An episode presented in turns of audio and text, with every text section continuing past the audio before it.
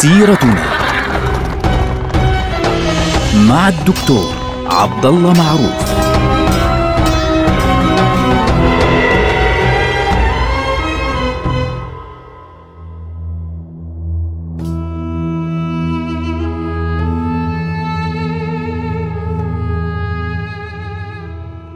السلام عليكم ورحمة الله وبركاته. سيرتنا سيرة هذه الأمة ونحن الآن في عهد الدولة العثمانية وتحديدا في عام 1917 في نهايات عهد الدولة العثمانية. في مرحلة كانت صعبة جدا تمر على الدولة العثمانية على العرب والترك والكرد والبشناق وغيرهم ممن تلاعب الاستعمار البريطاني والفرنسي بأحلامهم وحولهم إلى أعداء في هذه المرحلة جاءت بريطانيا لتعطي وعد من لا يملك لمن لا يستحق وعد بلفور. كان ذلك الوعد قد أعطي يوم الثاني من شهر نوفمبر من عام 1917 في هذه المرحلة في ذلك اليوم كان البريطانيون يقاتلون ضد الدولة العثمانية في مناطق فلسطين الجنوبية. يعني لم يكن البريطانيون يتمكنون من السيطرة قد تمكنوا في ذلك الوقت من السيطرة إلا على جزء بسيط اللي هي منطقة بئر السبع. وكانت هناك ثلاث معارك كبرى حدثت في غزة في هذه المرحلة.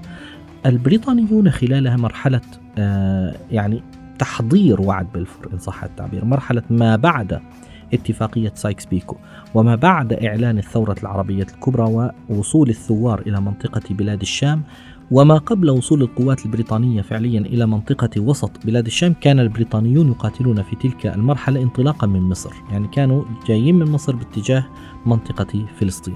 في هذه البقعة آه، أثناء تحضير وعد بلفور اللي هو بدأ التحضير له تقريبا من منتصف آه، عام 1917 كان البريطانيون في ذلك الوقت يعني قد تمكنوا فقط من ناحية في ناحية الشرق التمكن من إسقاط بغداد. كانت بغداد قد سقطت بأيدي البريطانيين يوم الحادي عشر من آذار مارس اللي هو شهر 3 عام 1917 إضافة إلى دخولهم إلى أرض فلسطين في نفس هذه المرحلة انطلاقا من مصر. طبعا حدثت أول معركة في فلسطين اسمها معركة غزة الأولى. كانت لمدة يومين اللي هو بين الخامس والعشرين إلى السابع والعشرين من شهر آذار مارس اللي هو شهر 3 عام 1917 وهذا الهجوم في معركة غزة الأولى وقف فيه العثمانيون. على فكرة كان منهم الترك وكان منهم أيضا عرب. يعني هذه هي النقطة المفارقة أنه كان هناك عرب يقاتلون هنا وعرب يقاتلون هناك. لكن الفكرة وقف العثمانيون في وجه هذا الجيش البريطاني ومني هذا الجيش بفشل كبير جدا. علما أن عدد القوات البريطانية كان في هذه المعركة خمسة أضعاف القوات العثمانية. وكانت معدة جدا ومسلحة جدا. يعني خسروا في ذلك في ذلك الوقت حوالي أربعة آلاف وأربعمائة قتيل وجريح على ما قال قائد هذه الجبهة اللي هو الجنرال آه، موري. آه، هذا كان قائد تلك الجبهة. الآن آه، في الشهر التالي اللي هو شهر أربعة تحديدا ما بين الثامن عشر والتاسع عشر من شهر نيسان أربعة عام 1917 حاول البريطانيون الهجوم على غزة مرة أخرى وفشلوا في معركة غزة الثانية حيث خسروا في ذلك الوقت حوالي ستة آلاف قتيل وجريح وأسير. والعثمانيون تمكنوا من قهرهم في هذه المرحلة. فبناء على ذلك تم إقالة موري اللي هو القائد العام وتم تعيين الجنرال إدموند ألمبي طبعا إدموند ألمبي استلم القيادة في هذه المرحلة يوم الثامن والعشرين من شهر حزيران يونيو عام 1917 يعني من شهر 6 من عام 1917 يعني تقريبا إحنا بنتكلم كانت الثورة العربية الكبرى قد مر عليها في ذلك الوقت سنة. يعني المعارك مستمرة في بلاد الشام بين الثوار والدولة العثمانية وهذا الأمر يعني جعل الدولة العثمانية منشقة بين طرفين. يعني هنا الثوار وهنا البريطانيون. فبالتالي كانت الأمور صعبة جدا على على العثمانيين ومع ذلك فشل البريطانيون في معركة غزة الثانية في شهر 4 عام 1917 فاستلم إدموند أليمبي القيادة ووصل فعليا إلى المنطقة في الثامن والعشرين من حزيران شهر 6 عام 1917 الآن عندما وصل إدموند أليمبي إلى هذه المنطقة يعني رأى أن الهجوم وتكثيف الهجوم على غزة لا يصلح في هذه المرحلة. وبالتالي بدأ يرتب أموره فعليا للهجوم على منطقة وسط فلسطين تقريبا. وكان يعد الجيش بحوالي مئة ألف مقاتل. المقابل لهم على فكرة الخمس يعني عدد الجيش العثماني كما تذكر بعض الروايات حوالي عشرين ألف مقاتل. يعني لم يكن هناك أي شيء يحتاجه البريطانيون بينما كان العثمانيون يحتاجون كل شيء في ذلك الوقت. البريطانيون تمكنوا يوم الحادي والثلاثين من شهر تشرين الأول أكتوبر اللي هو شهر عشرة من عام 1917 من الوصول إلى بئر السبع واحتلالها. يعني هم توغلوا باتجاه بئر السبع. تركوا غزة وتوغلوا باتجاه بئر السبع. طبعا لاحظوا نحن نتكلم عن 31 تشرين الأول 31 عشرة. وعد بلفور يعني تم إقراره وتم إصداره في يوم الثاني من شهر نوفمبر يعني بعد يومين. في ذلك الوقت لم يكن البريطانيون يسيطرون على فلسطين لا القدس ولا غيرها كانوا قد وصلوا إلى بئر السبع. ها يا دوب وصلوا بئر السبع قبل يومين بيحاولوا يأمنوا المنطقة في بئر السبع. لاحظتوا كيف؟ طبعا مع احتلال بئر السبع بدأت الأمور تتهالك يم يعني يمينا ويسارا وبدأ الضعف يدب في الجند العثمانيين وبدأ التقدم البريطاني باتجاه وسط فلسطين. وطبعا باعتبارهم سيطروا الآن على منطقة بئر السبع كان بإمكانهم العودة وأخذ غزة لأنه خلص غزة صارت محاصرة بين البريطانيين في مصر والبريطانيين في منطقة بئر السبع. ولذلك تمكنوا بعد أسبوع واحد تقريبا يعني بحدود تقريبا 7 11 من عام 1917 تمكنوا من إحتلال غزة. وتمكنوا بعد ذلك بأسبوع آخر يعني في منتصف شهر 11 عام 1917 تمكنوا من الوصول إلى آه، منطقة اللد ومدينة الرملة. فعزلوا هذه المناطق بالكامل وصارت مسيطرا عليها بالكامل من قبل البريطانيين. طبعا مباشرة بدأ الهجوم بعدها على القدس يعني بدأوا يتوجهون إلى القدس. لاحظتوا إذا هم تركوا غزة فشلوا أمام غزة مرتين؟ تركوها ووصلوا إلى بئر السبع. إذا تمكنوا من السيطرة أو عندما تمكنوا من السيطرة على بئر السبع تمكنوا من أخذ غزة ثم ساروا منها باتجاه اللد وباتجاه الرملة. سيطروا عليها لم يبقى بينهم وبين القدس أكثر من 45 كيلومترا فتحركوا وحاصروا مدينة القدس توجهوا باتجاه مدينة القدس.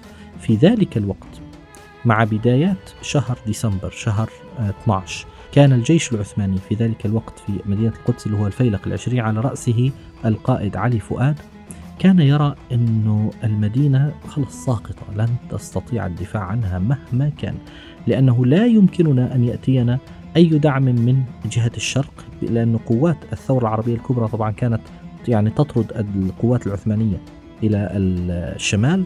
ومن الغرب خلص الاحتلال البريطاني قادم من الغرب ومن الجنوب فلم يبقى أمامنا شيء. فخاف الرجل من أن تتعرض المقدسات في مدينة القدس للتدمير بسبب الحرب.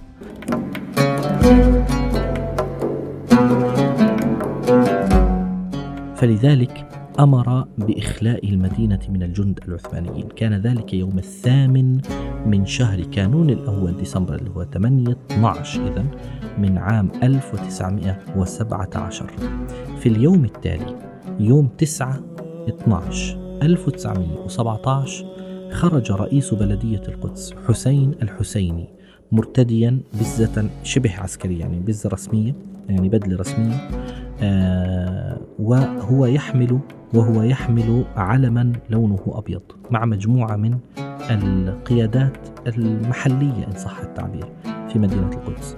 فالتقوا بجندي. هذه الرواية على فكرة يعني يشك بعضهم في في دقتها ولكن يعني هذه الرواية اللي الآن بدي أذكرها النقطة الصغيرة لكن ربما تكون صحيحة. أنه التقى بجندي بريطاني لأنه كان في ذلك اليوم كان يوما كئيبا كان يوم آه، منتشر فيه الضباب في مدينة القدس ولا يكادون يرون أمامهم فالتقى رأى جنديا بريطانيا فكلمه بالإنجليزية. فهذا الجندي البريطاني تذكر بعض الروايات البريطانية طبعا مش العربية تقول أنه كان هو من لندن ورايح يدور على بيض. فقال له آه، أنا رئيس البلدية أريد أن أسلمكم المدينة. فقال له أنا أريد البيض أنا ما بدي المدينة. فالمبدأ آه، بعد ذلك تيقظ الرجل وراح جاب له قائد القوات. بغض النظر هل هذه الرواية صحيحة إنه والله ما بدي أنا بدي بيض أنا جيت مش عارف إيه؟ لا ندري. لكن الذي يهمنا هنا إنه حسين الحسيني تحرك باتجاه الجيش البريطاني وسلم آه، المدينة إلى قائد الفرقة البريطانية العاشرة.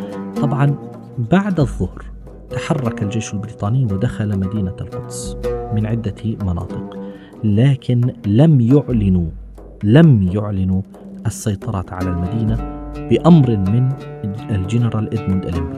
لما وصله الخبر وصلت برقية فورا فقال لا تعلنوا أن المدينة قد سقطت. لماذا؟ كان يريد أن يعلن بنفسه سقوط المدينة بيده. فدخل المدينة يوم الحادي عشر بعد يومين من شهر كانون الأول 12 عام 1917 ماشيا على رجليه من باب الخليل. وكان هذا المشهد الأليم لمدينة القدس وسقوطها تحت الاحتلال الأجنبي إيذانا بثاني احتلال يمر على مدينة القدس منذ فتح عمر بن الخطاب رضي الله عنه وأرضاه. ومنذ أن تم تحرير المدينة أخيرا من الاحتلال الفرنجي الأوروبي. دخل الجنرال إدموند أليمبي إلى مدينة القدس و آه، طبعا خلص الناس يعني الجيش أصلا موجود من يومين فتجمع الكبار في المدينة أمام قلعة القدس ليخطب فيهم خطابه الأول. فخطب هذا الرجل خطابه الأول وأعلن فيه الأحكام العرفية الأحكام العسكرية في المدينة وحاول أن يطمئن الناس. يعني قال لهم اطمئنوا كل شيء تمام ما تخافوا لن نفعل شيئا.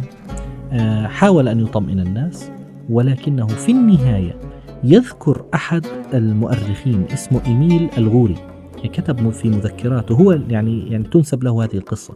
إيميل الغوري كتب في مذكراته إنه أثناء إلقاء الخطاب أو بعد أن انتهى الأولمبي من قراءة الخطاب الرسمي اللي هو إعلان آه، السيطرة البريطانية.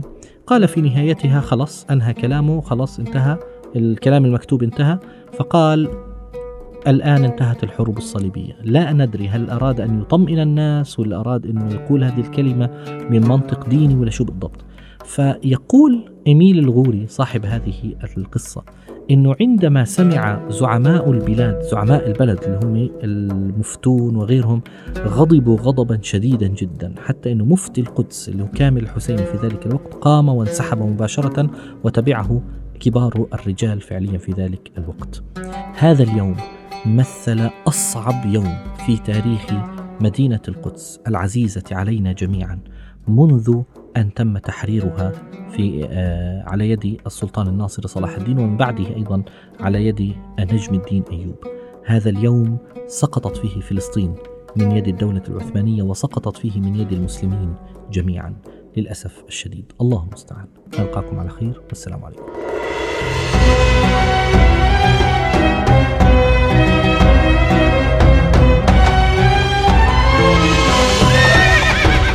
سيرتنا. مع الدكتور عبد الله معروف.